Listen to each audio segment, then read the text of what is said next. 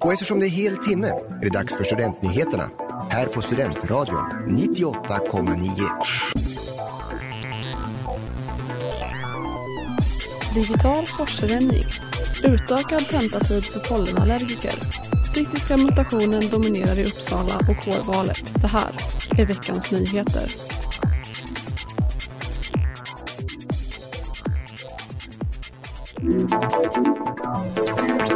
Den traditionella forsränningen på Valborg kommer att bli av i år, men i digitalt format. Det rapporterar P4 Uppland. Allmänheten kommer kunna följa ett fåtal rännare som livesänt genomför en forsränning från en plats utanför stan.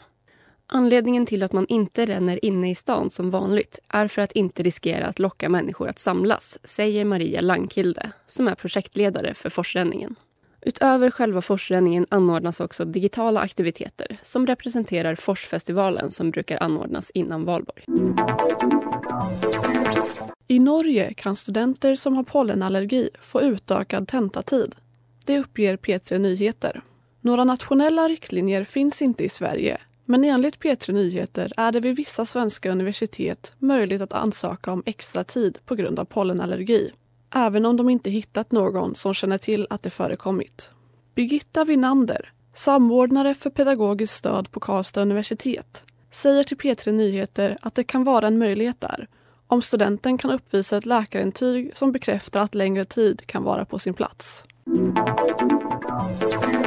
Den brittiska mutationen av coronaviruset dominerar nu i Uppsala.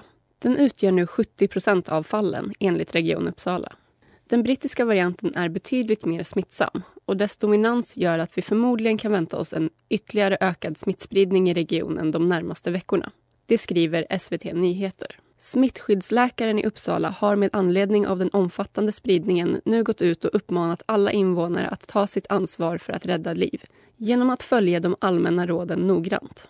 Även den sydafrikanska mutationen ökar i regionen och utgör nu runt 10% av alla fall.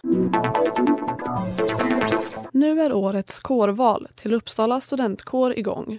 Kårvalet sker digitalt via en enkät som skickas via mejl och avslutas den 21 april. På sina sociala medier uppmärksammar Uppsala studentkår kårvalet på olika sätt. Bland annat genom panelsamtal och en Q&A.